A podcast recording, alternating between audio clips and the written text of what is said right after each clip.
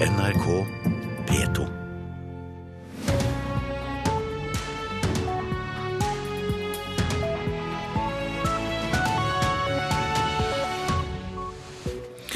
Her i studio, Øystein Heggen, Nyhetsmorgen fortsetter med disse sakene. Hvem skal betale muren til Donald Trump? Det skal Mexico, sa Donald Trump til sine tilhengere etter sitt møte med landets president.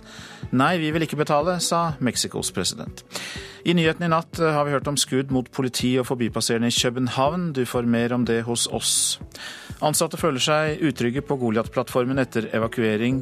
Nå etterlyser de tiltak. Arbeidsminister Anniken Hauglie svarer her i Nyhetsmorgen.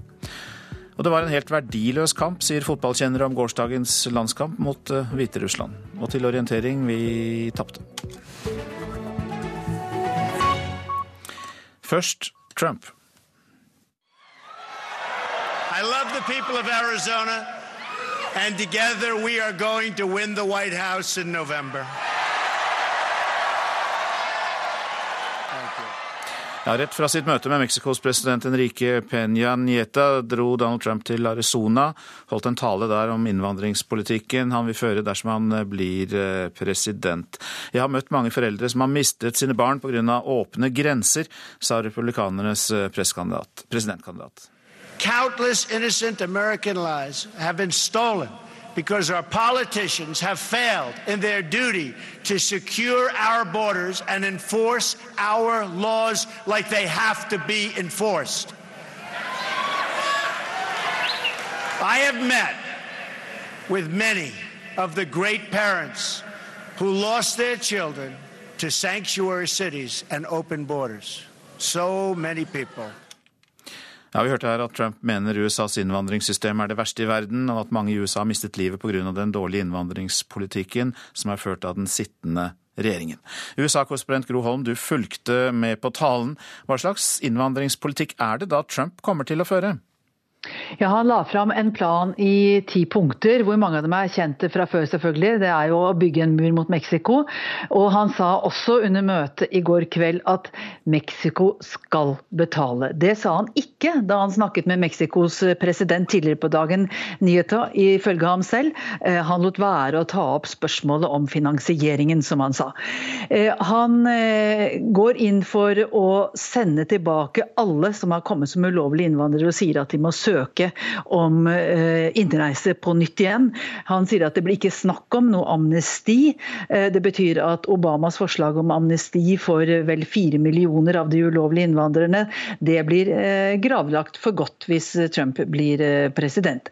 Og han gikk inn for å teste ideologisk alle som søker om innvandring. For han vil ha folk som deler USAs verdier og elsker oss amerikanere, som han sa. Og de vil bl.a. bli spurt om sitt syn på æresdrap og homofili. Ehm, han eh, sa også videre at eh, han vil ansette 5000 nye grensevakter og, og, tredoble antall kontorer som eh, driver med deportasjon av ulovlige innvandrere.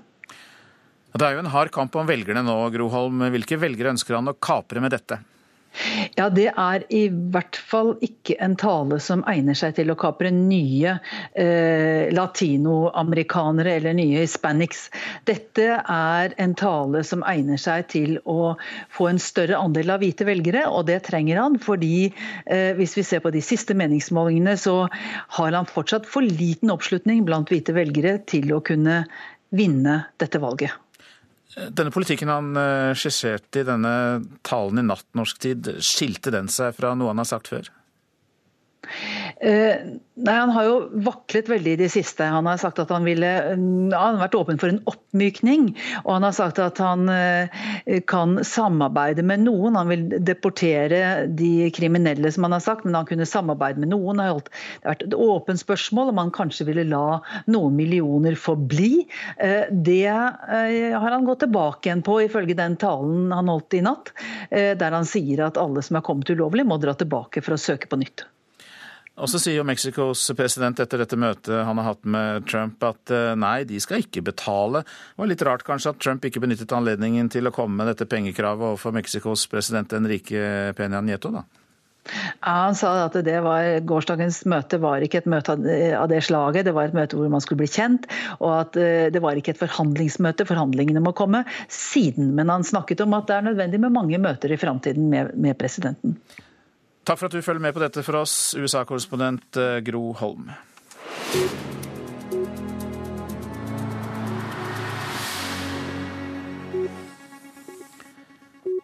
I bydelen Kristiania i København jakter politiet en gjerningsmann og ytterligere to personer etter at to politimenn og en sivil ble beskutt i går kveld.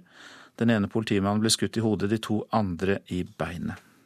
I forbindelse med en øh, rutinemæssig politiforretning på Christiania ved 23 siden i øh, Pusher Street, der sker der det, at i forbindelse med en anholdelse er der en person, der trækker våben og affyrer skud mod politiet. Som følge af den skudafgivelse så bliver to betjente og en civil såret. Den ene betjent og den sivile er i øyeblikket uden for livsfare, men den siste betjent er hårdt såret. Ja, Det sa politidirektør i København Torkil Fogde i natt, og for en halv time siden holdt politiet en ny pressekonferanse. Den fulgte du med på, utenriksmedarbeider Marit Kolberg. Ja, Den ene politimannen ble som vi hørte her skutt i hodet, og han svever nå mellom liv og død. Den andre ble truffet i foten. Den sivile ble truffet i låret, men ikke av politiets eh, kuler, eh, sier eh, København-politiet. Dette skal være snakk om en utlending, og han skal ha vært en tilfeldig forbipasserende. Og så melder det danske nyhetsbyrået Ritzau nå at en person skal være pågrepet i forbindelse med denne skytingen. Men dette er en opplysning som ikke blir meldt av noen av de danske nettavisene som følger denne saken eh, direkte, så vi får holde øye med den siste opplysningen der. Ja, Så det er én gjerningsmann, men ytterligere to personer som, er, eh, som man jakter på? Ja, og Politiet har ikke sagt eh, noe mer om disse to enn at de settes i forbindelse med det som har skjedd. Og Denne skytingen den skjedde jo også da i det som politiet kaller Pusher Street. Og Kristiania er jo kjent som eh, Københavns eh, hasjhovedstad, om vi kan si det sånn. Og Gjerningsmannen blir betegnet som farlig, og de har etterlyst og sendt ut et bilde av en hvit mann med blå øyne som er ca. 1,75 høy. Et par ord til slutt om fristaden Kristiania, Marit Kolberg. Politiet sa på pressekonferansen at dette bør være en wake-up call for Kristiania, og at det nå er på tide å ta skjeen i en annen hånd. For dette er jo en eh, bydel eh, som på en måte har fått lov til å leve litt sitt eget liv i København.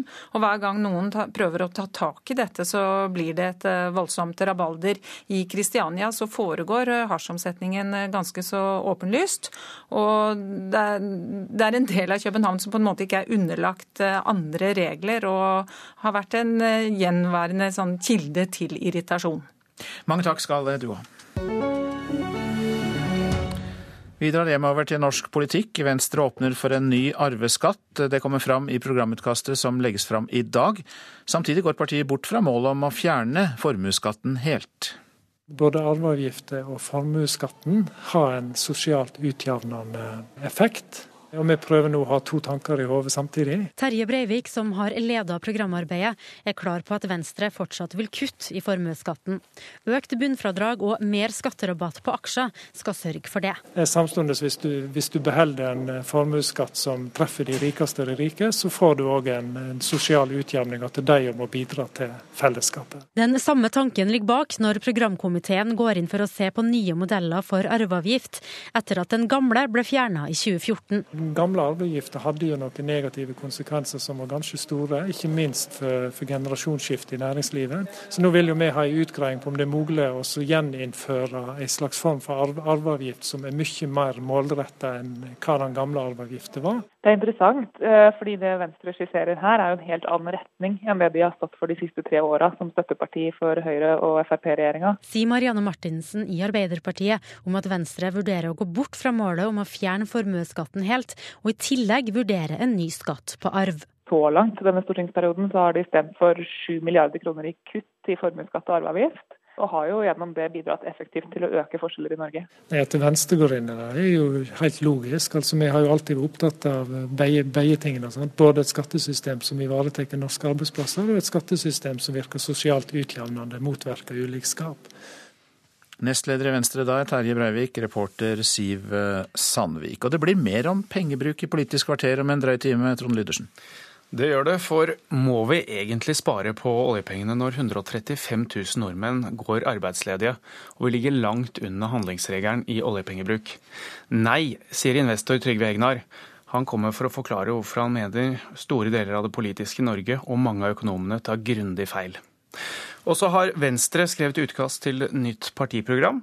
Og nå vil de ikke lenger fjerne formuesskatten, og til og med innføre en arveavgift. Og så har de planer om å sløyfe barnetrygden. Nestleder Terje Breivik kommer og forklarer. Og det er klokka 7.45. Så var det dagens aviser. Barn skal ikke fengsles, men likevel har 84 barn hittil i år sittet inne bak piggtråd i Trandum leir, skriver Aftenposten. En familie var internert i 24 døgn. Norsk organisasjon for asylsøkere, NOAS, mener at integreringen strider mot Grunnloven. SV-byråd eh, Inga Marte Torkilsens kamp mot kommersielle aktører havner i retten, skriver Klassekampen. SV-byråden har godtatt bare ideelle organisasjoner i anbudsrunden for nye barnevernsplasser i Oslo. Men nå krever sju kommersielle tilbydere en rettslig forføyning for å stoppe anbudsrunden. Prisen på leiligheter i Oslo kan komme til å stige 25% bare i år, er oppslaget i Dagens Næringsliv. Flere eiendomsmeglere er bekymret. Direktør Grete V. Meyer i Privatmegleren syns det er trist at eh, prisstigningen rammer mangfoldet i byen, og at det nesten bare er finanseliten som har råd til å bo sentralt. Venstre vil forby all bygging på dyrkbar jord, skriver Nasjonen. Nestleder Terje Breivik og resten av partiprogramkomiteen vil styrke jordvernet radikalt, og mener at det også vil øke verdien av norsk landbruk. VG skriver om den 41 år gamle svenske kvinnen som ble arrestert sammen med sin 18 år gamle samboer i Trondheim tirsdag. Hun er mistenkt for drap på sin far, etterforskes for å ha drept sin eksmann, og er mistenkt for sexutnyttelse av unge asylsøkere i et asylmottak hun drev i Eskilstuna. Smarte yrker er tema for Dagbladet, og hovedkonklusjonen er at om du satser på helse eller undervisning, så kan du velge å vrake jobber framover. Kan vi utrydde dødsmyggen, spør Dagsavisen. Myggstikk sprer zikavirus, gullfeber og denguefeber, som dreper en million mennesker årlig. Forskere forsøker å utvikle genmanipulert mygg som tar livet av seg selv. Flere foreldre dropper dåp, men i Asker har prost Berit Øksnes ringt 137 foreldre for å invitere til dåpsfestival, skriver Vårt Land. Men så langt har ingen takket ja. Ole testamenterte én million kroner til klubben i sitt hjerte. Nordlys forteller om Ole Andreassen som døde av kreft 54 år gammel, og ga pengene til Tromsdalen ungdoms- og idrettslag. Der hadde han selv vært aktiv skiløper og fotballspiller.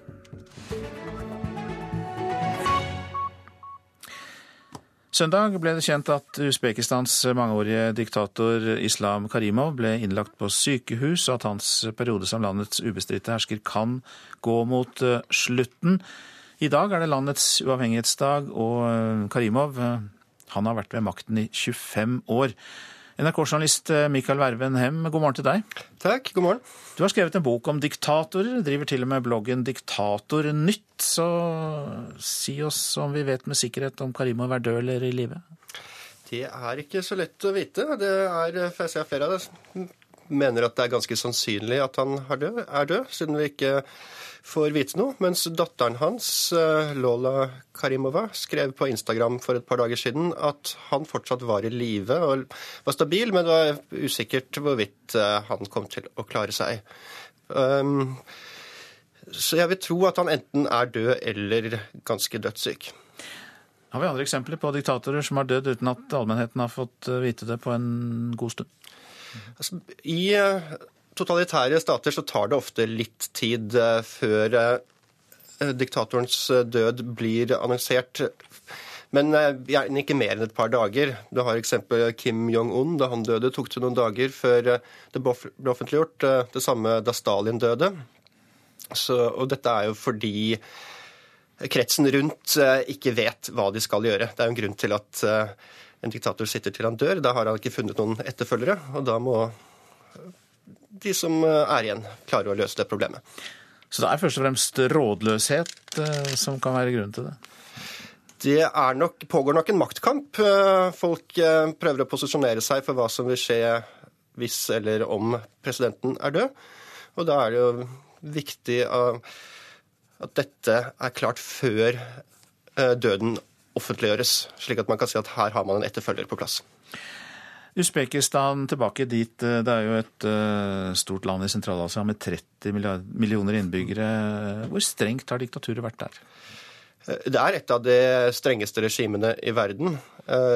Hele, alt samfunnsliv kontrolleres av staten. Du kan ikke drive uavhengig idrettslag eller kulturorganisasjoner engang. Så, og sikkerhetspolitiet har veldig stor makt og innflytelse. Eh, så dette er et land som er et av de mest undertrykkende i verden. Kan det gå i mer demokratisk retning etter at han eh, går bort? Det er lite som eh, tyder på det. Det er ingen demokratiske land i Usbekistans nabolag. Tvert imot så finnes noen av verdens verste diktatorer der. Det finnes ikke noe organisert opposisjon, og det finnes som sagt ikke noe uavhengig sivilsamfunn. Og resten av verden er heller ikke så opptatt av eh, å skape demokrati i Usbekistan. Så dessverre så er det ingen grunn til å være optimist. Men du da, Mikael Arvenhem, til slutt. Eh, hvorfor driver du bloggen Diktatornytt? Det er fordi diktatorer gjør veldig mye ting som vi i demokratiske land syns er rare og underholdende. Og jeg fikk ideen fordi jeg har reist i en del diktaturer, som f.eks. Usbekistan, og sett eh, hvordan samfunnet er organisert, og hva en enehersker kan få seg til å gjøre. Som å kjøre veldig fort med bil, som lå øverst på bloggen din her om dagen.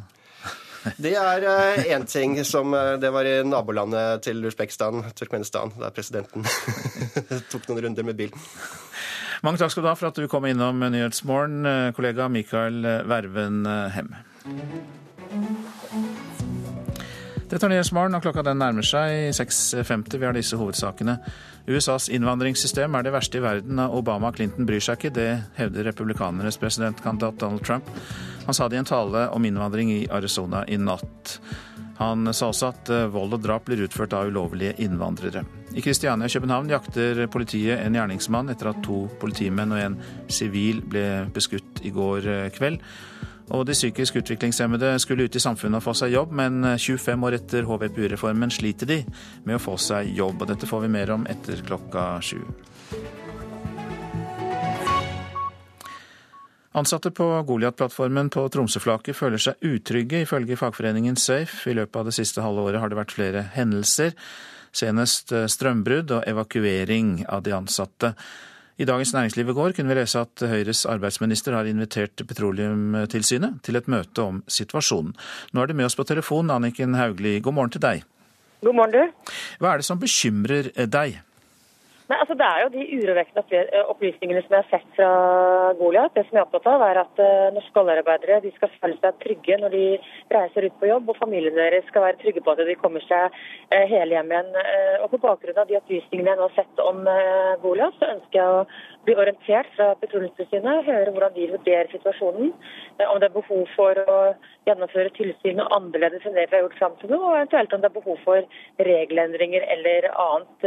Vi skal være verdensledende på helse, miljø og sikkerhet. Vi skal ikke kompromisse på sikkerhet. Og så ser vi nå en del hendelser fra Goliat i dette tilfellet som jeg liker svært dårlig. Ja. Eh, Petroleumstilsynet har jo avvist kritikk fra de ansatte om at tilsyn og pålegg ikke fungerer. Eh, hva tror du om det? Ja, det her er jo ikke på noen som helst måte noen kritikk av Petroleumstilsynet. Tvert imot. Jeg har full tillit til at de gjør en uh, god jobb, men nå ønsker jeg i dette tilfellet å bli orientert om uh, hvordan de vurderer situasjonen på, på Goliat. Uh, vi ser jo også nå at vi har fått flere operatører på norsk sokkel. Det syns vi er bra, men det er flere mindre operatører og mange utenlandske eiere. og Det gjør også at tilsynet kanskje står overfor andre utfordringer enn det det har gjort Eh, tidligere. Men mitt utgangspunkt er at eh, vi skal være verdensledende på helse, miljø og sikkerhet. Vi skal være helt i tete. Vi skal ikke kompromisse på sikkerhet. Og når vi ser nå en bransje som også har slitt økonomisk, er jeg opptatt av at eh, når man skal kutte kostnader, så er det ikke på sikkerhet man skal kutte. Men nå vil jeg be om en orientering fra tilsynet, og så får vi se om det er behov for ytterligere grep etter det. Takk skal du ha, Anniken Hauglie, som altså er arbeidsminister. Gabons sikkerhetsstyrker har forsøkt å storme opposisjonens hovedkontor i natt, sier opposisjonspresidentkandidat Jean Ping. Angrepet i det vestafrikanske landet skjedde få timer etter at myndighetene erklærte at president Ali Bongo er blitt gjenvalgt.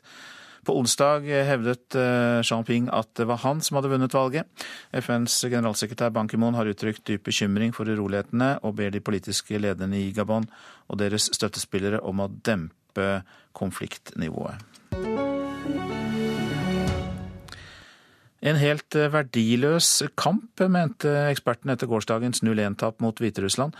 Også Joshua King innrømmer at han eh, spurte Per-Mathias Høgmo hvorfor eh, landslagssjefen ville at de skulle spille mot Hviterussland.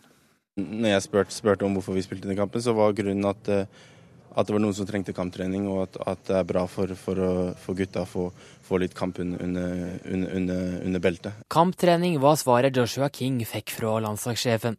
Og det er nok det eneste Per-Mathias Høgmo kan sitte igjen med etter gårsdagens generalprøve, før VM-kvaliken starter mot Tyskland på søndag. Og kampen er over. Norge 0, Hviterussland 1. Det var en svak, svak, svak generalprøve. Selv om det man kunne ønska seg en del mer positive svar, så, er, så får du en del svar. NRKs fotballekspert Tom Nordli tror mange av spillerne kjente på det samme som King før kampen. Nei, De svarer det de må svare, for de sier liksom at vi fikk en grei trening osv. Jeg tror sannheten er at de, de, sitter med en følelse av at dette var unødvendig når kampen blei som den blei. Og de, de, de, taper matchen og ikke bringer noe selvtillit, så da føler alle at de må glemme dette. Og det er det beste også, for det, sånn sett bør det ikke ha noe betydning inn eh, mot kampen. Men jeg synes sånn som det blei, så ble det ingen verdi i form av sånn kampbilde blir på søndag.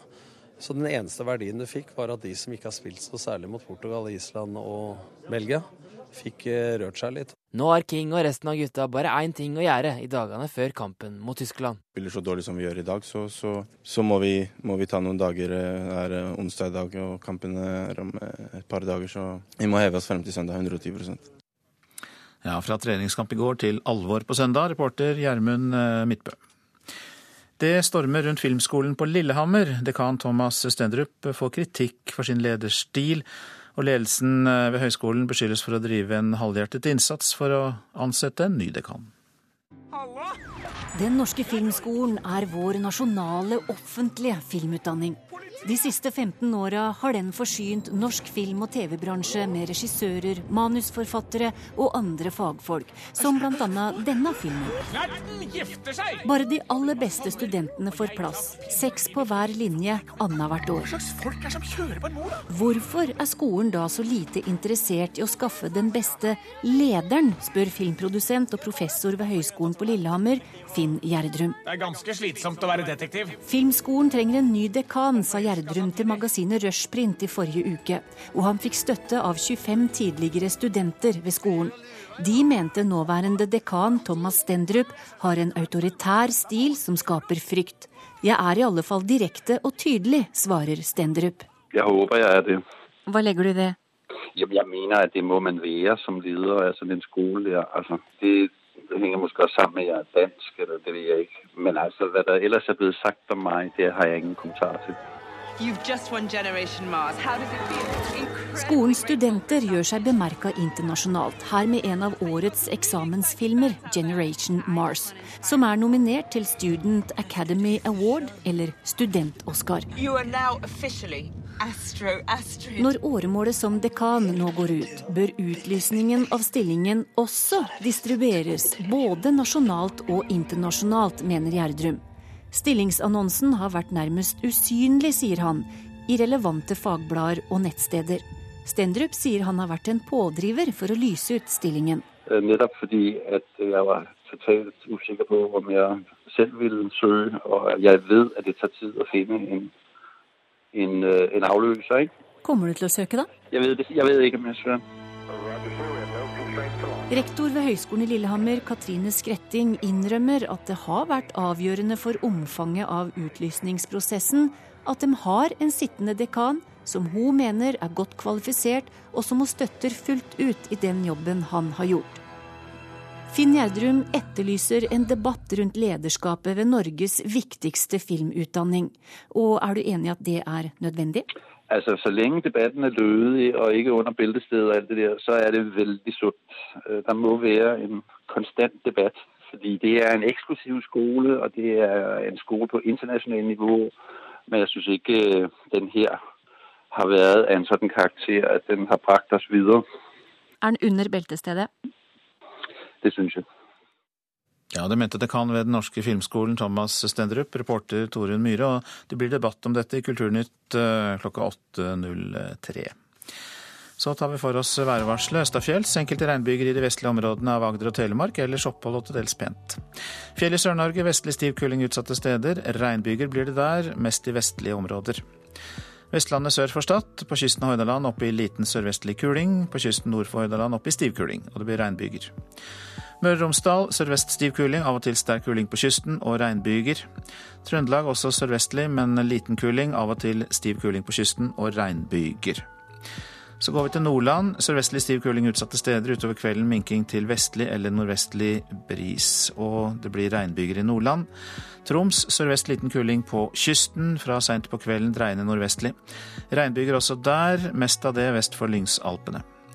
Finnmark enkelte regnbyger. Fra kvelden sørvestlig liten kuling på kysten vest for Nordkapp. Og Spitsbergen til slutt. Enkelte sluddbyger langs kysten, ellers stort sett opphold.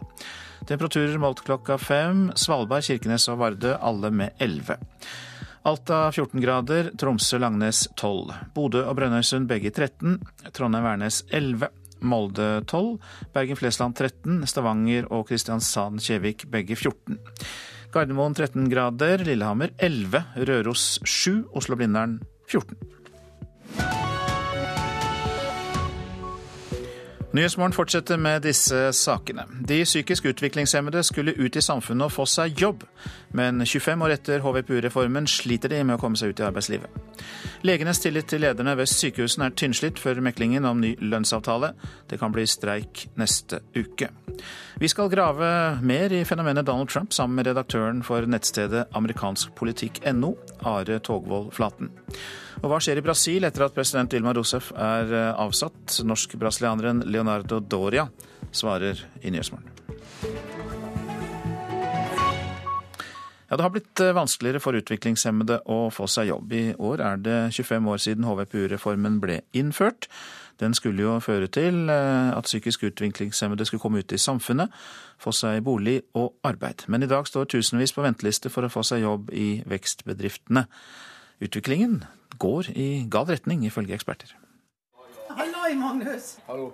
Magnus Olsen, styreformann. Magnus Olsen tar imot oss i leiligheten i Åsane i Bergen. 24-åringen har Downs syndrom. Leiligheten er del av et bofellesskap der han får spesiell oppfølging. Vi eh, hjelper, hjelper, til å lage middag på fellesen. Som unge mennesker flest ønsker Magnus å jobbe og i større grad være en del av samfunnet. Men det har vist seg å være vanskelig. I teorien så har han en rettighet, i praksis ingen. Magnus er en av et økende antall utviklingshemmede som står i kø for å få tilrettelagt arbeid. Onkel Geir Lien sier familien har brukt mye tid og krefter på å få Magnus inn i arbeidslivet etter videregående. Så langt uten hell. En som ikke kan klare å skaffe seg et arbeid sjøl, når systemet ikke kan skaffe han det, så er det lik de får ikke jobb. Vi ser jo at utviklingen går feil vei. Dag Sandvik er daglig leder i ASVL, som er arbeidsgiverforening for om lag 230 vekst- og attføringsbedrifter over hele landet. Bedriftene ble tidligere kalt vernede bedrifter, og ble startet nettopp for å gi utviklingshemmede en sjanse i arbeidslivet. Vekstbedriftene driver med alt fra kantinedrift og vaskeri til produksjon av enkle trevarer og tekstilarbeid det er så mange som ønsker en slik arbeidsplass, som ikke får det. Det manglet kanskje rundt 5000 plasser i 2012. Og vi ser at utviklingen er sånn at det kommer færre enn 200 nye til per år. Så blir det jo en veldig lang vei å gå før eh, man dekker behovet. Tommy Johansen er assisterende fylkesdirektør i Nav Hordaland. Også han bekrefter at utviklingen går i feil retning. Altså, vi har ikke tallfestet det over tid langt bakover, men vi ser det at uh, tendensen er at uh, antallet som venter på plass, den, den, øker. Hva skal til da for at flere utviklingshemmede skal kunne få tiltaksplass? Her må det, det prioriteres fra politisk hold hvis vi skal få opp uh, volumet. Det må de bevilgende myndighetene ta, ta fatt i hvis vi skal få det til. For et par år siden fikk Magnus jobb i en vekstbedrift der han ble satt til å pakke knapper. Men det funket ikke for 24-åringen, som trenger å være mer aktiv. For onkel er det frustrerende å se på at den livsglade nevøen går ledig. Det å ikke på en måte behøve å stå opp, ikke ha et i hermetegn produksjonskrav, så blir man passifisert. Ledighet er roten til alt ondt. Da blir du bare en passifisert menneske. Så fordi man, man er psykisk utviklingshemmet og trenger en tilpasning, trenger man kanskje enda mer en jobb enn vi andre. Vår reporter her, det var Siri Løken. Kari Elster Moen, god morgen til deg. God morgen, ja. Du er leder for NFU, mm. Norsk forbund for utviklingshemmede i eh, Hordaland, er med oss eh, fra Bergen. Hva har vi da oppnådd 25 eh, år etter HVPU-reformen? Ja, det er jo det vi stiller spørsmålstegn ved. Vi syns jo det er eh, intensjonen eh, der det sier at utviklingshemmede skal ha like muligheter som alle andre, er jo ikke innfridd. Eh, så vi ja. Vi mener at å få utviklingshemmede ut i arbeid er en stor ressurs både for eh, samfunnet og for arbeidsplassene. Hvorfor er det så viktig for de psykisk utviklingshemmede selv? Da? Er det ikke nok at de har det ok og får omsorg? Det er jo utrolig viktig for alle mennesker å få, få være en del av samfunnet. Eh, det å få være i jobb, det å få kunne bidra med noe, kunne mestre noe. Det å ha et sosialt fellesskap, det som, som ble sagt i innslaget, kanskje enda viktigere for utviklingshemmede enn andre. Som eh, har egentlig et lite sosialt liv sånn generelt sett. Hvorfor tror du dette skjer? Det som Jeg tror det er to årsaker. Eh, det ene er at det er blitt flere om beinet eh, om denne ordningen. Eh, det andre er at virksomheter og bedrifter har høyere krav til produksjon og leveranse enn det de hadde tidligere. Men hva må da til? Må vi f.eks. ha flere bedrifter som er tilpasset utviklingshemmede? Um, altså, Dette må jo prioriteres. og um, Bedrifter kan uh, tilpasse seg. Mange har oppgaver som kan gjøres av mennesker med utviklingshemming. Uh, jeg tror det er snakk om vilje, men det er snakk om uh, selvfølgelig at dette må følges opp med ordninger og tiltak fra statlig hold. Men for å forklare til dette, Du nevnte at det er mange om beinet. altså Det er en konkurranse her om disse tilpassede arbeidsplassene. Hvem er det man konkurrerer med, da? Ehm, det er, som jeg har fått eh, forklart, så er det innenfor eh, rus, det er innen psykiatri, det er kriminalomsorg. Altså det er mennesker som trenger varig tilrettelagt arbeid, kanskje en del av en tid, eller noen trenger det varig. Da. Og i denne sammenhengen så har utviklingshemmede blitt eh, sakket akterut, for å si det sånn. Hva tror du om mulighetene for å få eh, utviklingshemmede, også psykisk utviklingshemmede, ut i vanlige bedrifter og gjøre oppgaver som de kan takle der, og ikke bare være slike spesialbedrifter? Mm. Eh, jeg tror at det bør være muligheter for det. Eh, NFU har for tiden et prosjekt på gang sammen med SOR, Samordningsrådet for arbeidet med utviklingshemmede. Og Da skal vi se på dette og prøve å finne ulike måter og modeller å gjøre dette på. F.eks. så er jo kommunen en stor arbeidsplass og driver med veldig forskjellige virksomheter, der det absolutt kunne være rom for f.eks. på et sykehjem, vaktmestertjenester, eh, andre ting. Så vi håper vi skal få noen resultater ut av dette. Samfunnet er ikke, samfunnet er ikke blitt for komplisert, da? Jo, eh, jeg tenker òg det. Veldig mye skal konkurranseutsettes. Det er kroner og øre i alle ender og bauger. Eh, så, så det, det, gjør at det er vanskelig for andre å, si, som har litt eh, tilpassingsbehov, å komme inn. Det er utrolig beklagelig. Takk skal du ha for at du var med i Nyhetsmorgen, Kari Elster Moen, leder for Norsk forbund for utviklingshemmede i Hordaland. Presidenten for Legeforeningen sier tilliten til sykehuslederne er tynnslitt eh, før eh, de nå møtes hos Riksmekleren i neste uke. Det de krangler om er arbeidstid. Noen sykehus har innført nye turnuser som legene syns er for tøffe, mens eh, sykehuslederne avviser legenes krav. Lege Oddbjørn Salte byttet fra Sykehuset Østfolds nye turnus til Ullevål sykehus. Da fikk han en opptur. Jeg var på vei inn hit uh, uansett for å gjøre unna universitetstjenesten min. Men uh, ja, jeg kom nok litt tidligere hit uh, pga. den type planlegging som foregår i Østfold. For det foregår ikke her på Ullevål. Det er en langt mer fleksibel måte å gjøre ting på her, som jeg trives veldig godt med. Turnusplanleggingen Odd-Bjørn Salte snakker om på Sykehuset Østfold, betyr at legene pålegges flere lengre vakter og helger på rad enn ved gastrokirurgisk avdeling på Ullevål. Forskjellen oppleves som stor for legen som skal bli spesialist. Et ganske stort antall vakter som kan resultere i opp mot 38 uker på rad med 60 timer i hver uke. Det er litt sånn spekulativt fra vår side, men utfordringen her ligger i at arbeidsgiversiden sier at dette kan vi gjøre innenfor gjeldende avtaleverk, og vi sier hvor går da grensen? For da kan ikke vi se noen grense. Men leger og ledere i sykehusene er for tiden på hver sin planet i kampen om arbeidstiden. Ja, I motsetning til Legeforeningen så mener vi at det finnes mer enn én måte å sette opp turnuser og arbeidsplaner på. Og Legeforeningen vil ha det at tariffavtalen skal være slik at det bare kan være på én måte, og sykehusene og Spekter ønsker at det skal være flere måter å gjøre det på, og vi mener at dagens tariffavtale eh, inneholder den muligheten. Det må da være bra, sier sjefen for arbeidsgiverforeningen Spekter, Anne Kari Bratten. Spekter vil eh, spare penger. Eh, de vil øke arbeidsbelastningen på legene uten kompensasjon. Men å spare penger i helsetjenesten, det er kanskje arbeidsgivers oppgave her? Arbeidsgivers oppgave er å løse utfordringene. Arbeidsgivers oppgave er å rekruttere flinke folk. Og, vi, og partenes oppgave er at dette skjer på en forsvarlig måte. Dette oppgjøret handler om legenes kollektive vern og forhandlingsmulighet lokalt. Det sier president Marit Hermansen i Legeforeningen. Det er jo derfor eh, vi er tydelige på at det er akademikerne som går i megling. Dette er et felles anliggende.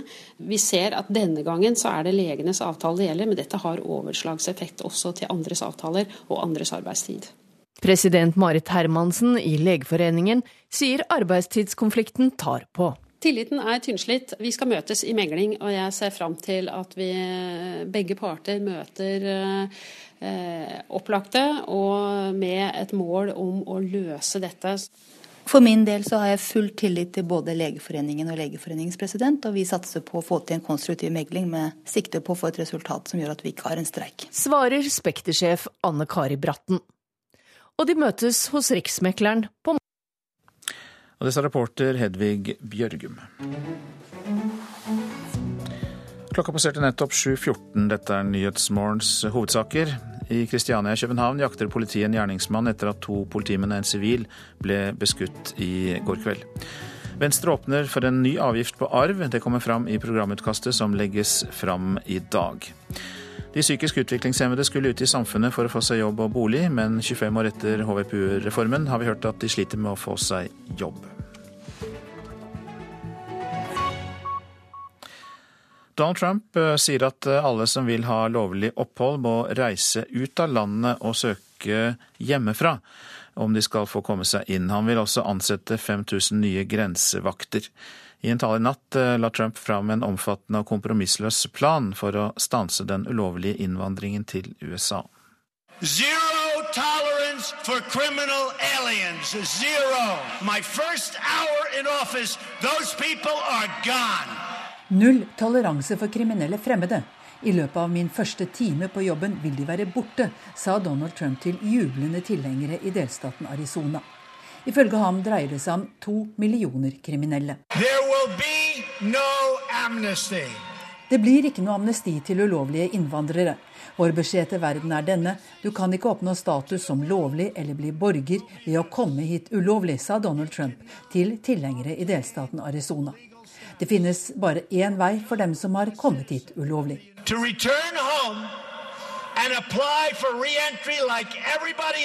Å dra hjem og søke om å få komme tilbake som alle andre, i tråd med de nye reglene, sa Trump. Med andre ord, Obamas dekret om amnesti for vel fire millioner ulovlige innvandrere vil bli gravlagt for godt om Trump blir president. I alt har USA minst 11 millioner ulovlige innvandrere. Og hensikten er bl.a. å beskytte amerikanske arbeidere.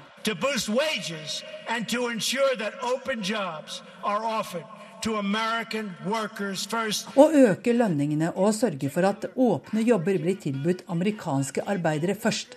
Særlig afroamerikanere og latinoer, som så urettferdig er blitt utestengt, sa Trump i en åpenbar appell til minoritetsvelgere.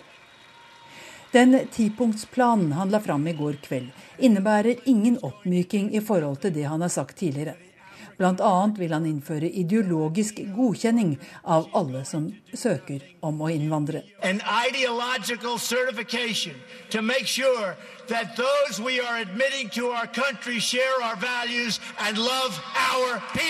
en ideologisk godkjenning som sikrer at de vi slipper inn, deler våre verdier og elsker vårt folk, sa den republikanske presidentkandidaten. Alle søkere vil bli spurt om synet på æresdrap, respekt for kvinner og homofile nevnte han som eksempel. Og muren mot Mexico vil bli bygget. Under møtet med Mexicos president tidligere på dagen i går lot han være å ta opp hvem som skal betale. Men på møtet i Arizona var det ingen tvil.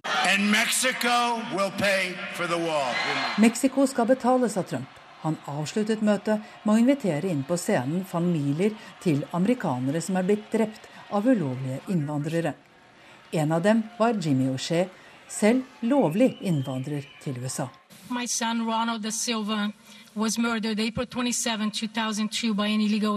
Min sønn Ronald de Silva ble drept 27.4.2002 av en ulovlig fremmed, sa Jimmy. Mens Trump lovet å beskytte amerikanske liv mot den slags trusler i framtida. Groholm, Washington. Så har vi kontakt med statsviterredaktør redaktør i eh, amerikansk politikk.no, Are Togvold Flaten. God morgen til deg. Hei, hei. Med fra studio i eh, Drammen. Ja, Vi hørte jo her eh, denne reisen til Trump til Mexico. Når han likevel ikke tok opp hvem som skal betale for denne muren, hvorfor dro han da likevel dit for å besøke president Enrique Peña Nieto? Han fikk bilde av seg selv ved siden av en statsleder, og prøvde da å framstå som en kommende statsleder, eller presidential, som man gjerne sier i, i USA, og han fikk jo det. Og Det var ganske stor forskjell på det han sa i, i Mexico og i Phoenix, som Gro Holm var inne på, på her. Og mens han var lavmælt og prøvde å vise seg fra en litt, litt annen side ved siden av presidenten, så var det rødt kjøtt og tilbake til den republikanske nominasjonskampen i Eh, Phoenix, og har jo da ikke tatt et steg bort fra det han har sagt i løpet av nominasjonskampen, selv om det har vært en runddans i løpet av de siste ukene der det tilsynelatende så ut som han skulle gjøre nettopp det. Ja, hvem er den egentlig Trump, da? Han som står for det rå kjøttet i Phoenix, eller han som viser seg fram på diplomatisk vis? Det er han som eh, sto i Phoenix, som er den ekte Trump, eh, som vi har sett i løpet av hele året. Og langt mer komfortabel i den eh, rollen også, helt, helt åpenbart. Og det virker jo som den som Trump-kampanjen nå omsider har kommet fram til at de skal la Trump være Trump igjen. Men så får vi se om han allikevel prøver, prøver litt på begge deler framover. At han tar ett steg, sånn som han gjorde i Mexico, og så litt annet senere samme dag. Så spørs det jo da hva, hva velgerne faktisk får med seg her her? Ja, Det virker jo, i og med at det har vært litt frem og tilbake, som om Trumps eh, medarbeidere ikke helt vet om han skal være veldig mye røff Trump eller litt mer moderat Trump?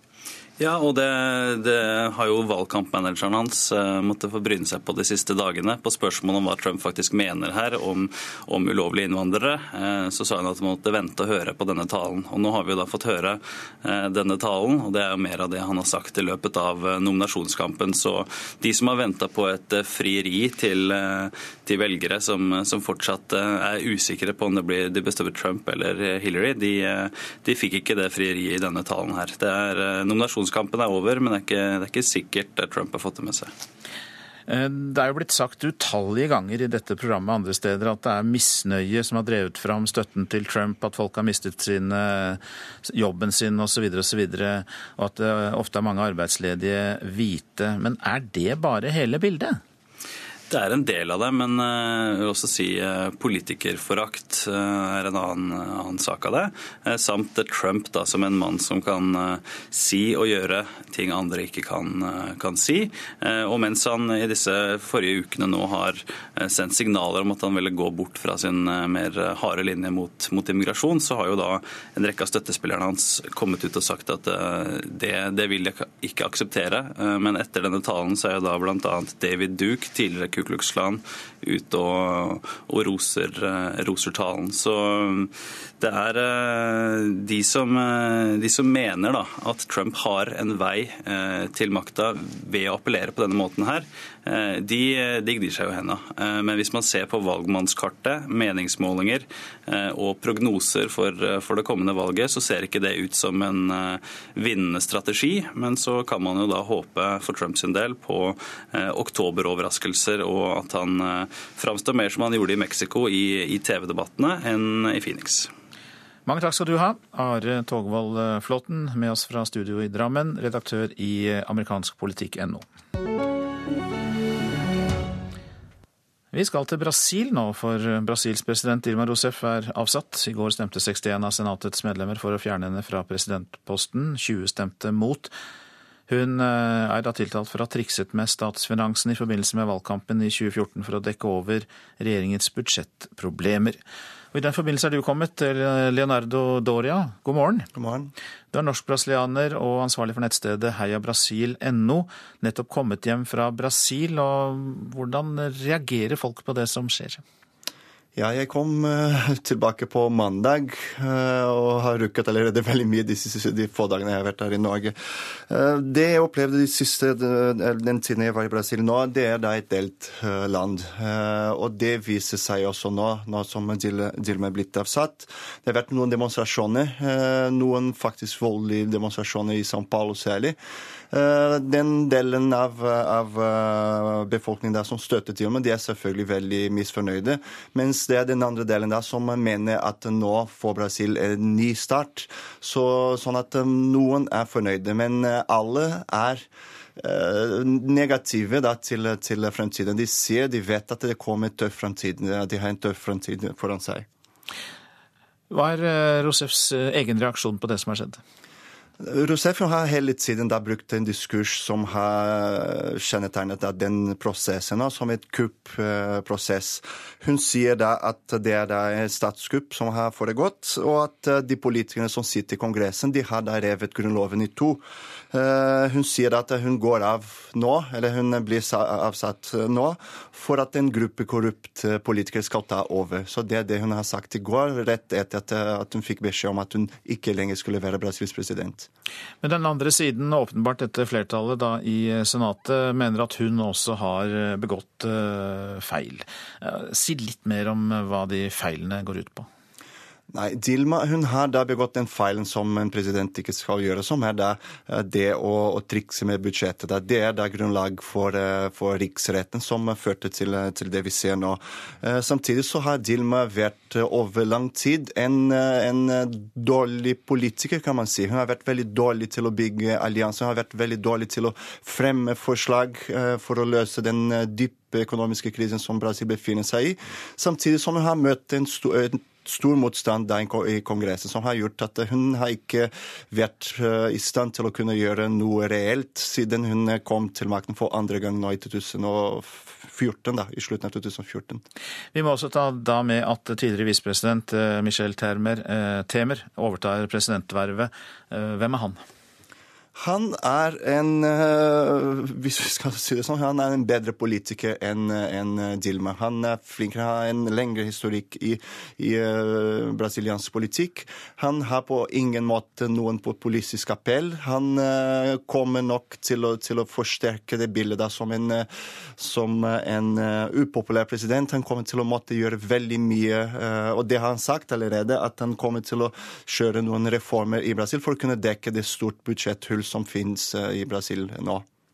Mange takk skal du ha, Leonardo Doria, som altså da er eh, ansvarlig for nettstedet heiabrasil.no. Så er det på tide å si noe om det avisen er opptatt av i dag. Barn skal ikke fengsles, men likevel har 84 barn hittil i år sittet inne bak piggtråd i Trandum leir, skriver Aftenposten. En familie var internert i 24 døgn. Norsk organisasjon for asylsøkere, NOAS, mener at interneringen strider mot Grunnloven. SV-byråd Inga Marte Torkelsen eh, fører en kamp mot kommersielle aktører, men den kan havne i retten, skriver Klassekampen. SV-byråden har godtatt bare ideelle organisasjoner i anbudsrunden for nye barnevernsplasser i Oslo, men nå krever sju kommersielle tilbydere en rettslig forføyning for å stoppe anbudsrunden. Prisen på leiligheter i Oslo kan komme til å stige 25% bare i år, er oppslaget i Dagens Næringsliv. Flere eiendomsmeglere er bekymret. Direktør Grete V. Meyer i Privatmegleren syns det er trist at prisstigningen rammer mangfoldet i byen, og at det nesten bare er finanseliten som har råd til å bo sentralt. Venstre vil forby all bygging på dyrkbar jord, skriver Nasjonen. Nestleder Terje Breivik og resten av programkomiteen i partiet vil styrke jordvernet radikalt, og mener at det også vil øke verdien av norsk landbruk. Og eh, smarte yrker er tema for Dagbladet. Hovedkonklusjonen er at om du satser på helse eller undervisning, kan du velge og vrake i jobber framover. I det sentralafrikanske landet Gabon har demonstranter nå tent på parlamentsbygningen. Det skjer etter at landets eh, innenriksminister erklærte den sittende presidenten som vinner av valget i helgen.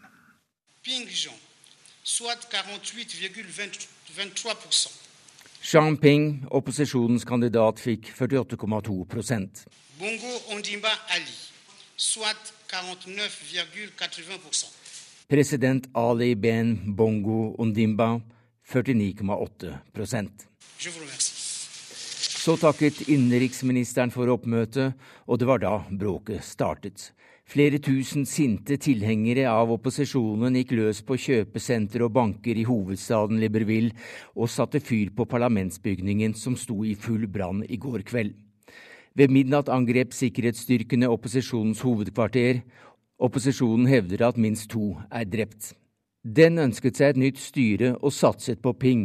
Han er etterkommer av en kinesisk handelsmann og en lokal høvdingdatter. Men president Bongo har erklært seg som vinner, slik han gjorde det i 2009, og faren gjorde det i årene før. Far og sønn har regjert i det lille oljerike landet i nesten 50 år, et velstående land i afrikansk målestokk, medlem av OPEC og med store oljeressurser utenfor kysten men der rikdommen er svært skjevt fordelt, med familien Bongo på toppen av pyramiden. Faren til Ali Ben Bongo var landets rikeste mann. Dagens president er fotballgal og en habil bossa-jazz-pianist. Han er utdannet ved Sorbonne med doktorgrad i juss. Han ble populær i det internasjonale samfunnet da landet ble et forbilde for naturvernere da det la ut 10 av nasjonen som naturreservat. Bongo er ikke fra Kongo, slik en norsk utenriksminister mente hadde passet bra da presidenten besøkte Norge i 2003. Han er altså fra Gabon, et land i opprør. Sverre Tom Radøy, Nairobi. Vi legger til at du lytter til Nyhetsmorgen. Produsent i dag Ingvild eh, Ryssdal. Her i studio Øystein eh, Heggen. Og redaktør og forretningsmann Trygve Hegnar går til debatt med politikere fra Høyre og Arbeiderpartiet i eh, Politisk kvarter kvart på åtte. Det er oljepengene de skal snakke om.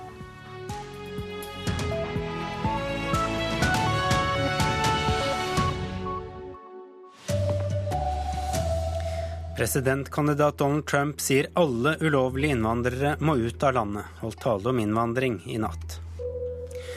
Politijakt i København etter at en politimann ble skutt i hodet. Én person er pågrepet nå på morgenen.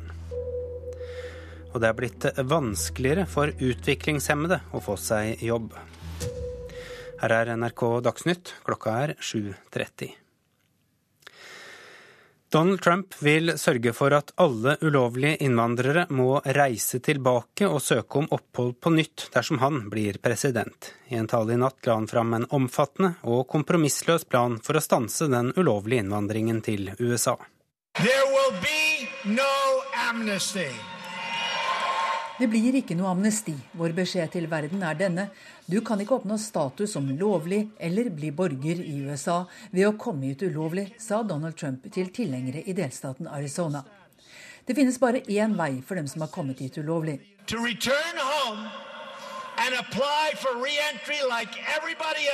Å dra hjem og søke om å få komme tilbake som alle andre i tråd med de nye reglene, sa Trump.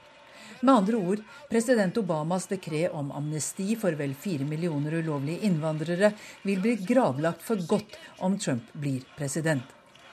Den tipunktsplanen han la fram i går kveld, innebærer ingen oppmykning i forhold til det han har sagt tidligere.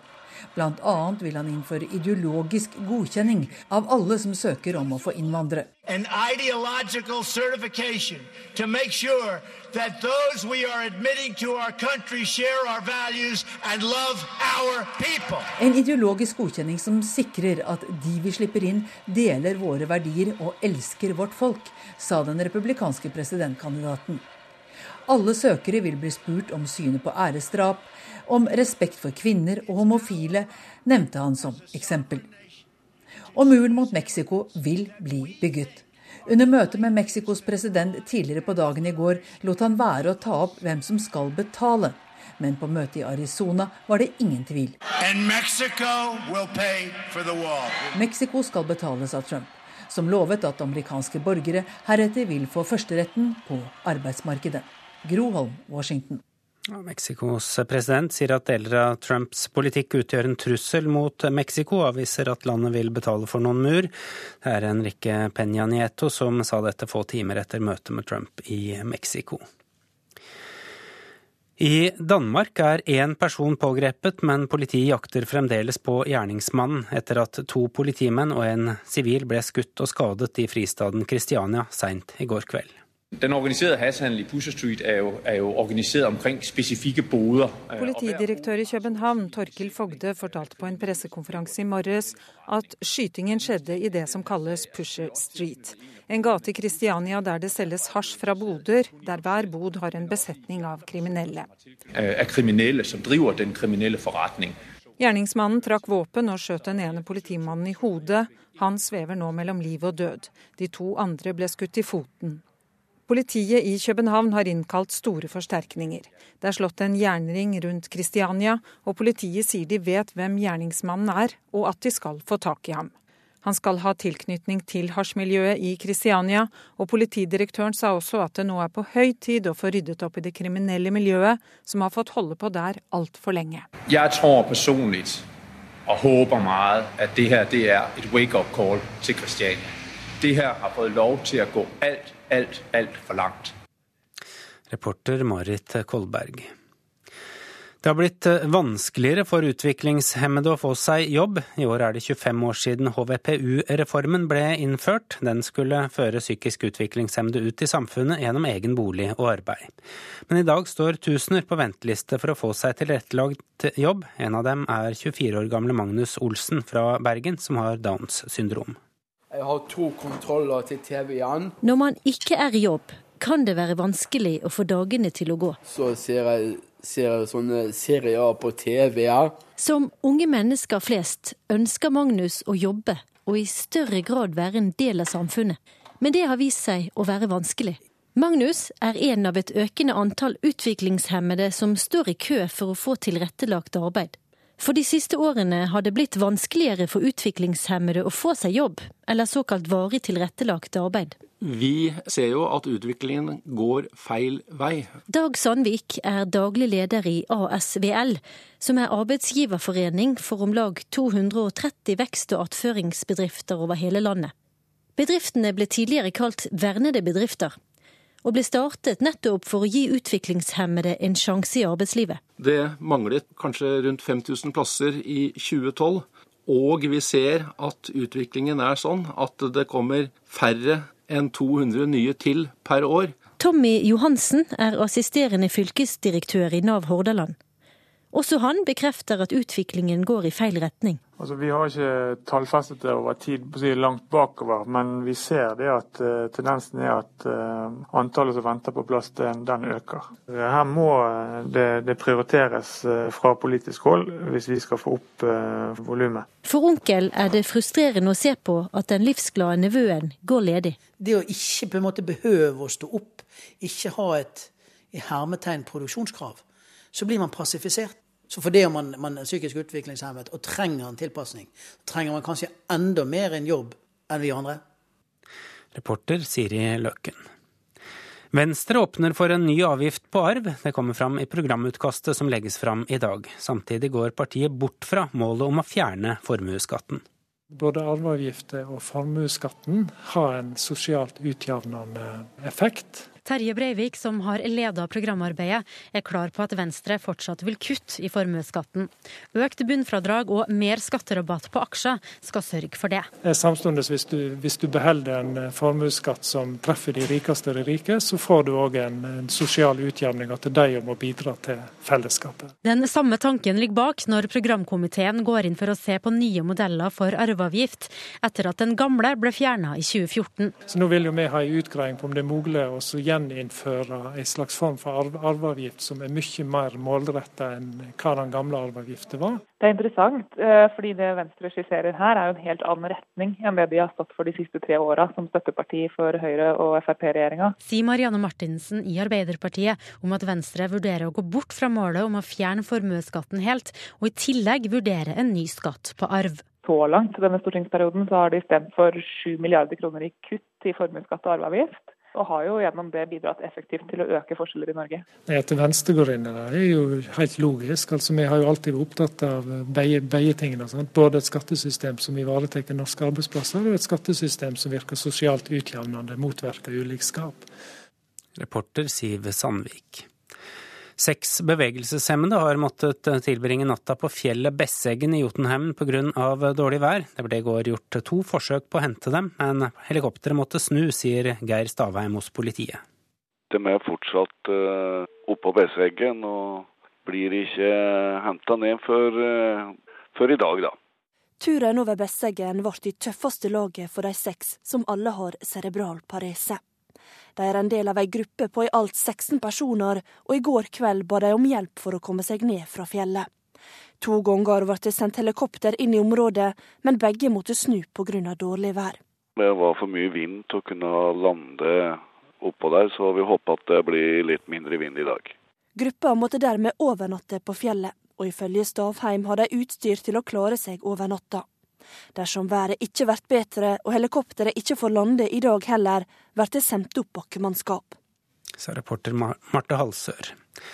Endelig er fotballframtida til Markus Henriksen avklart etter måneder med spekulasjoner. Han ble i natt klar for Premier League-klubben Hull. Alle rundt ham har holdt kortene tett til brystet den siste tida, blant dem landslagstrener Per-Mathias Høgmo. Den eneste som vel nå er i, i, ikke helt avgjort, det er vel Markus Henriksen. Så får vi se hvordan det utvikler seg i løpet av dagen i dag og eventuelt i, i morgen. Men i natt var endelig spekulasjonene over, og Henriksen blir en del av klubben som ligger på femteplass i Premier League i sesongstarten.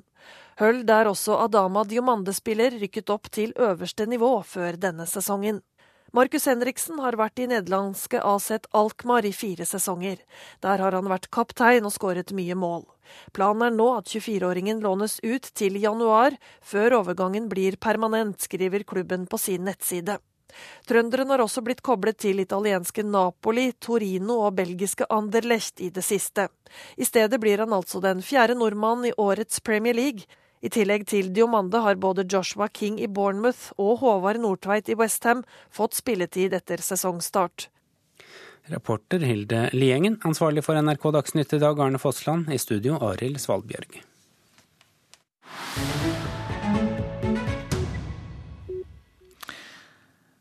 Vi eh, tar et historisk tilbakeblikk i eh, Nyhetsmorgen nå. I Russland markeres nemlig i disse dager at det er 75 år siden de første skipskonvoiene gikk fra Storbritannia til Arkangelsk under andre verdenskrig. Forsyningene fra konvoifarten var svært viktige for kampene mot tyskerne, men det var veldig risikabelt å være om bord på skipene. Denne reportasjen er laget av Jan Espen Kruse.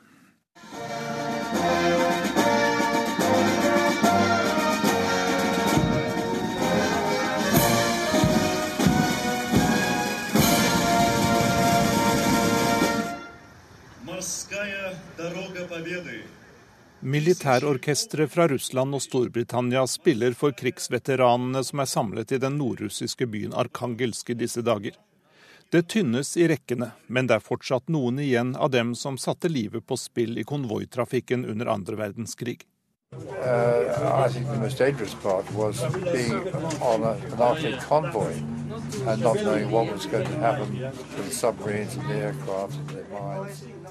det verste var å være om bord på disse skipene uten å vite hva som ville komme til å skje. Tyske undervannsbåter, fly og miner kunne ramme skipene, sier en av veteranene, briten John Elkington, til nyhetsbyrået Reuters. Konvoiene fra Storbritannia til Nordvest-Russland begynte i slutten av august 1941 og varte til krigens slutt. Skipene fraktet bl.a. stridsvogner, fly, drivstoff, ammunisjon og mat. Forsyningene var svært viktige for Den røde armés kamp mot de tyske styrkene.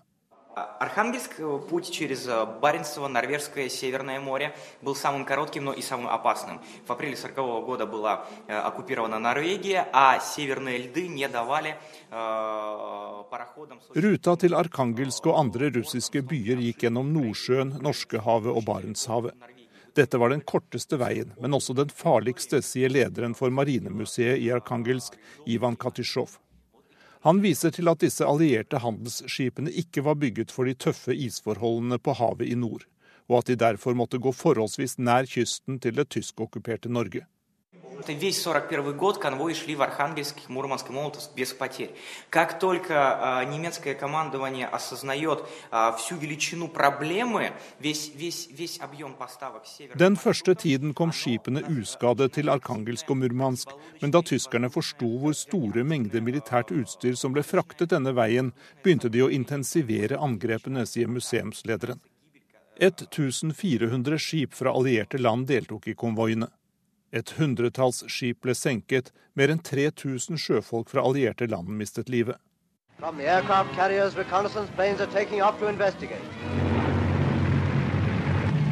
Signals flash from ship to ship, and the fleet air arm bombers and torpedo planes roar into the northern Filmavisen fra krigens dager forteller om hvordan britiske jagerfly og hangarskip fulgte en av konvoiene for å hindre angrep fra tyske fly. Storbritannias leder Winston Churchill sa at konvoiene gjennomførte verdens verste reise.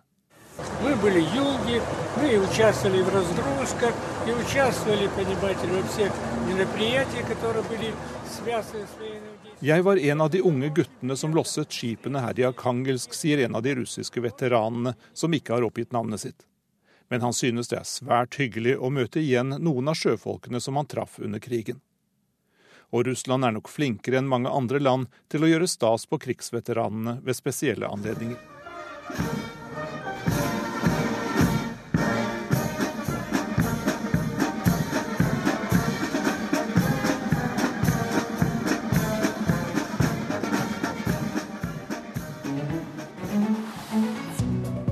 Dette er hovedsaken i Nyhetsmorgen. Presidentkandidat Donald Trump sa i en tale i natt at alle ulovlige innvandrere må ut av landet.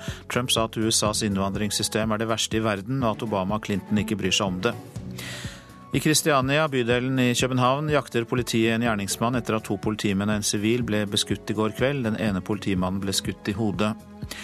De psykisk utviklingshemmede skulle ut i samfunnet, få seg jobb og bolig, men 25 år etter HVPU-reformen sliter de med å komme seg ut i arbeidslivet. Venstre åpner for en ny avgift på arv. Det kommer fram i programutkastet som legges fram i dag. Og så går det mot Politisk kvarter, og programleder der i dag er Trond Lydersen.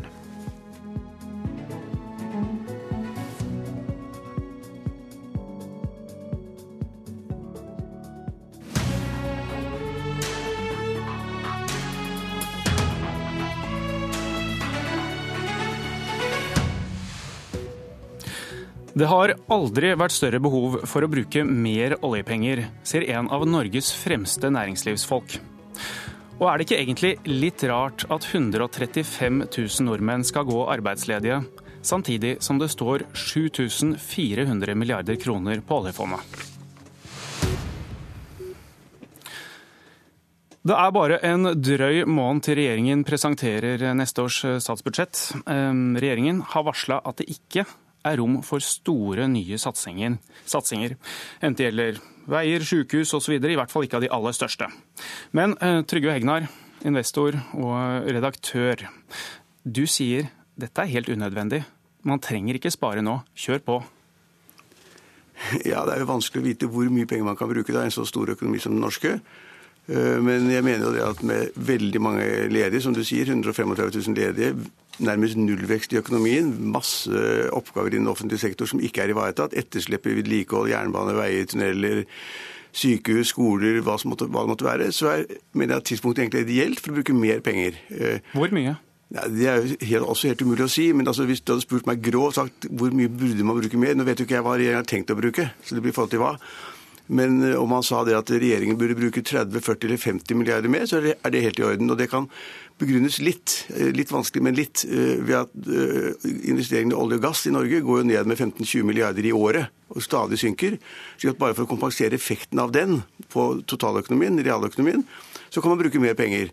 Og så er Det da slik at det finnes ikke én økonom i landet som vil hevde det at man ikke burde bruke penger nå. For nå er det altså denne slakken i økonomien, den lave veksten, eller hvis, hvis vi har vekst i det hele tatt, så jeg mener man burde ta, kunne ta et, et, et virkelig sånn skikkelig skritt, altså et krafttak uh, i økonomien i de kommende årene. Da mener jeg 2017, og 2018 og 2019. Svein Flatten, finanspolitisk talsmann for, for, Høyre. Altså, Du kan ta et kraft, krafttak, et skikkelig skritt nå. Er ikke det gladmelding egentlig inn når dere skal lage et valgkampbudsjett? Det er jo alltid en gladmelding når økonomer ikke mener at vi eh, bruker for mye penger, men det vi nå må passe på er å bruke akkurat eh, passe med penger. For det nå ser det ut som det er en viss lysning i økonomien. Og det er, eh, det er eksportrettet industri som antagelig står for det meste av veksten. Hvis vi nå pøser for mye penger inn i økonomien, har en for ekspansiv finanspolitikk, som vi kaller det, så risikerer vi at den norske kronen styrkes. Og da mister vi alt det vi allerede har vunnet ved at vi nå har hatt en svak krone som har styrket eksportindustrien lenge. Og så har vi en todelt økonomi i Norge. På den andre siden så har vi en betydelig ledighet, ikke minst på Sør- og Vestlandet i olje- og gassindustrien. Eh, så må vi fortsette å stimulere veksten der og andre steder, også gjennom langsiktige tiltak. Jeg er enig med Hegnar i at vi må inn med de langsiktige tiltakene, men det å pøse veldig mye penger inn i norsk økonomi nå, når vi er kanskje på et balansepunkt, kanskje i ferd med å få en forsiktig oppgang, som vi så av BNP-tallene senest i går, der kreves det nå en veldig balanse. og Det oppfatter jeg egentlig at Hegnar også sier. Han sier det er vanskelig å vite hvor mye penger du kan bruke i norsk økonomi. Hegnar sier ganske tydelig at man kan gjøre nå store tak. Og Det er jo ikke det du signaliserer at dere kommer til å gjøre? Nei, det signaliserer jeg ikke. fordi at hensynet til valutaen, til den norske kronen, ligger der alltid. Og det er overbevist om at Trygve Hegnar også er oppmerksom på at du må ha en balanse der. Nå var det vel tross alt oljeprisen som sørga for at valuta, den norske valutaen falt. Det var jo ikke lavere oljepengebruk. Men vi skal til eh, Marianne Martinsen, finanspolitisk talsperson i eh, Arbeiderpartiet. Eh, Jonas Gahr Støre har jo snakket om at det er en krise, og at i krisetider bør man bruke mer. Ser du også en åpning for å satse mer nå? Så la meg starte med det jeg er helt enig med Egnar om. Og, det er at vi bør bruke mer penger på å bekjempe den høye arbeidsledigheten som vi har fått med Høyre i regjering. Eh, Arbeiderpartiet har jo gjennom lang tid etterlyst målretta tiltak for å få folk i jobb. Eh, men regjeringa har hele veien kommet med for seint og med for lite. Og vi så jo det senest i går med nye tall, at sysselsettingen faller. Eh, men der hvor Hegnar og jeg skiller lag, er jo spørsmålet om oljepengebruk. For når vi ser på hva dagens regjering faktisk har gjort, så har de økt oljepengebruken like mye på tre år som på de ti foregående og knust alle rekorder i oljepengebruk. Men Har ikke det gått ganske greit? Nei, altså Vi ser jo nå at sysselsettingen faller, og at ledigheten har fått etablere seg på et altfor høyt nivå. Eh, og til tross for denne rekordhøye pengebruken, så har de jo ikke klart å finne plass for kraftfulle, målretta tiltak mot ledighet. Og Problemet her er jo ikke at det ikke brukes penger, men at regjeringa mangler vilje og evne til å prioritere det som faktisk virker. Så det regjeringa har gjort så langt, det er at de har fulgt Hegnars råd langt på vei. De har blåst opp utgiftene og samtidig kutta inntektene. Og De fleste skjønner jo at det ikke kan fungere over tid. Men hvis man ikke har lengre horisont enn tre-fire år, som eh, åpenbart gjelder for regjeringa, så ender man opp med den enkle løsninga hvert år, som er å forsyne seg fra pensjonsfondet og øke underskuddene. Flåtten brukt pengene feil? Jeg må minne Marianne Martinsen om at eh, Arbeiderpartiet i Stortinget har brukt omtrent eh, like mye oljepenger som det vi har brukt. De prøver å fortelle at de har brukt mindre, men det gjør de ved budsjettriksing i sine alternative budsjetter. Og Jeg understreker, de gjør det ved å sende en skatteregning hvert eneste år på 10 milliarder kroner til norske arbeidstakere, til norske bedrifter. Og det er det Marianne Martinsen kaller å øke inntektene. Men i den perioden vi er i, så må vi stimulere norsk næringsliv. Da nytter ikke å øke skattene. Og når man snakker om kraftfulle tiltak for å få flere folk i jobb, ja, vi har gjennomført en rekke tiltak. Vi hadde en betydelig tiltakspakke som nå er i ferd med å virke.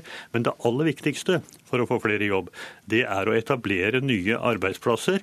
Og det gjøres ute i det private næringslivet, ute i det private eierskapet. Og da nytter det ikke å kvele det ved en betydelig skattebyrde. Hegnar, du sier man kan gjøre både og. Ja, altså Jeg syns det er helt urimelig og lite fornuftig å sammenligne med tidligere år når det gjelder pengebruken fra oljefondet og nå. Altså I De årene hvor da liksom norsk økonomi kokte og alt var på greip, og vi hadde nesten ikke ledighet, og, og, og, og alle så det at liksom fremtiden var rosenrød, til å komme til situasjonen i dag, så er det en stor forskjell. Det å sammenligne hvor mye man brukte under de rød-grønne og hvor mye man bruker nå, det er feil. Man må holde seg til realøkonomien. Realøkonomien er svak, eh, og da er det ikke galt å bruke mer penger. Det er ikke en økonom i landet som ikke mener at man kan bruke mer penger nå. Og så er det også slik at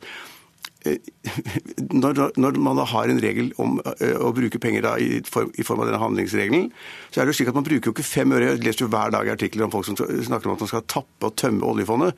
Man bruker altså ikke engang realavkastningen. Realavkastningen er antatt å bli 4% Det blir den ikke, den blir tre eller under, men den er antatt å bli 4% Det betyr at du mener oljefondet vil fortsette å vokse uansett? Ja, altså hvor raskt det vokser og hvor mye vet jo ingen, men det er helt åpenbart at det kommer til å vokse sannsynligvis i rimelig stor grad. Og vi bruker bare en liten del av avkastning på dette her. Og jeg mener om Både Arbeiderpartiet og Høyre og de andre må forholde seg til realiteten. og det er at Vi trenger mer penger i økonomien. og så vil Politikerne alltid diskutere om pengene går til landbruk eller skatter eller til forsvar eller til helsevesen eller skoler. Eh, men det er rom for totalen for å bruke mer penger. Marianne Martinsen, dere sitter jo nå på Torbjørnrud og skrur sammen deres alternative budsjett. Har dere skapt dere et kunstig skille, slik eh, Hegnar indikerer, på hvor mye penger man egentlig kan bruke? Der tror jeg Nei, altså Det som har vært eh, linja i alternative budsjetter fra Arbeiderpartiet eh, Hører du meg? Jeg vil høre deg. Du er med oss. Hallo? Ja, vi er med. Vi er med. Ja, ja, kjempefint. Nei, altså Det som har vært linja i våre alternative budsjetter, eh, og som vi kommer til å fortsette med, det er at vi prioriterer tiltak som skaper mer aktivitet. Et budsjett som virker kraftigere, men allikevel med en samla lavere innfasing av oljepenger enn det som har vært tilfellet de siste åra. Og Grunnen til at vi kan gjøre det, det er jo at vi sier nei til skattekutt som rett og slett ikke er et veldig effektivt eh, virkemiddel hvis du skal ha eh, folk raskt i jobb. Eh, og det jeg vil si til Hegnar er at vi må ta inn over oss at det vi står i nå, ikke bare er en sånn kortsiktig konjunkturnedgang hvor pengebruken kan få oss over en kneik. Vi er alle enige om at vi står oppe i en mer varig omstilling, og da er ikke høyest mulig pengebruk på kortest mulig tid løsninga på det. Tvert imot så stiller det enda større krav til at vi bruker pengene riktig til at vi skaper aktiviteter og arbeidsplasser raskt. Og da er det feil svar å gå i pensjonsfondet for å finansiere skattekutt til eh, de mest velstående menneskene i Norge, fordi det ikke virker spesielt stimulerende. Det er langt mer ambisiøst å sørge for at vi er i stand til å finansiere velferdsstaten på sikt. Og det betyr først og fremst å få ned den rekordhøye ledigheten. Men, men det, det, der er jo så, politi så det er politisk retorikk, altså. Det, det, det, det, er retorikk, for Poenget er jo ikke det å snakke om skattelettelser eller ikke skattelettelser. Poenget er å snakke om Du må bruke pengene på en måte som får folk i jobb. Ja, men Det er en, disk en diskusjon som dere politikere får holde på med. Det jeg sier er at Man kan bruke mer penger i totaløkonomien, og at finanspolitikk ikke er ekspansiv. og At det kan brukes mer penger uten at det skader noen. Det skaper på et eller annet sted en økonomisk vekst. Flåtten. Vi må over til Flåtten må svare på her. Kommer det noe mer i budsjettet nå? Kommer det noen store tak? Dere har jo tross alt et handlingsrom.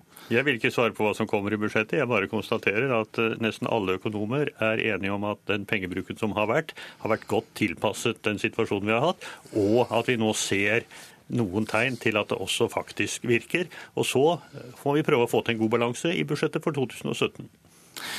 Det var de oljemilliardene vi fikk plass til i dagens eh, kvarter. Takk til eh, investor Trygve Hegnar og eh, finanspolitisk talsperson i Arbeiderpartiet Marianne Martinsen. Svein Flåten, du blir med oss videre, men vi skal snakke om Venstre.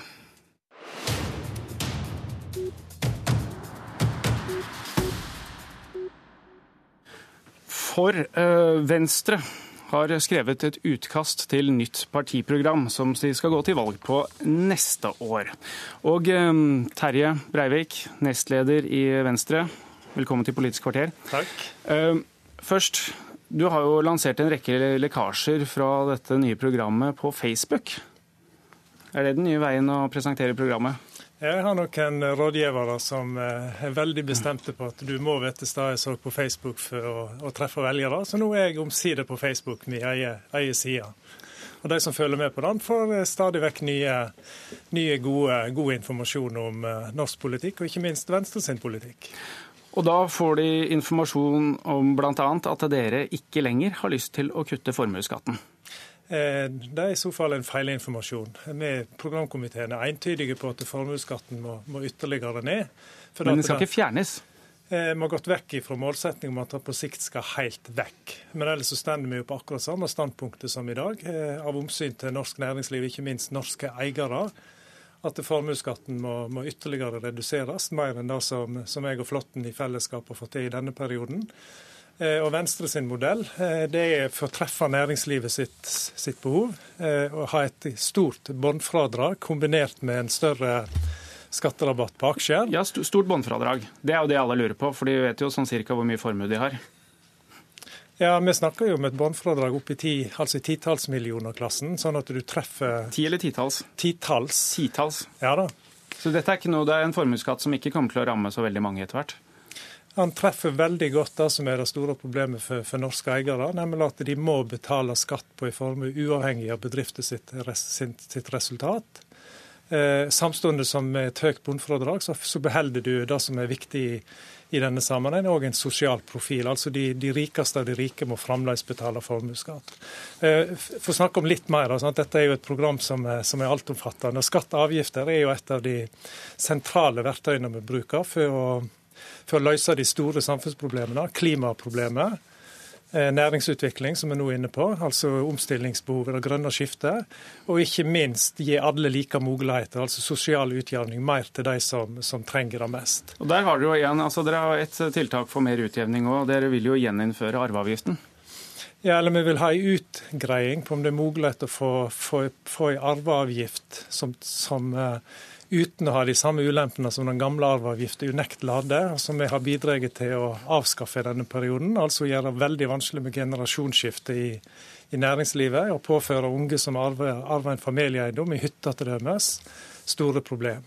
Så Det er jo en av, de, en av de spennende debattene vi nå skal ha, for å se om det er mulighet til å få en form for arveavgift som, som bidrar til sosial utjevning, uten å ha ulemper for for næringslivet, for, for unge som, eh, som arver familieeiendommer med stor, eh, stor verdi for dem.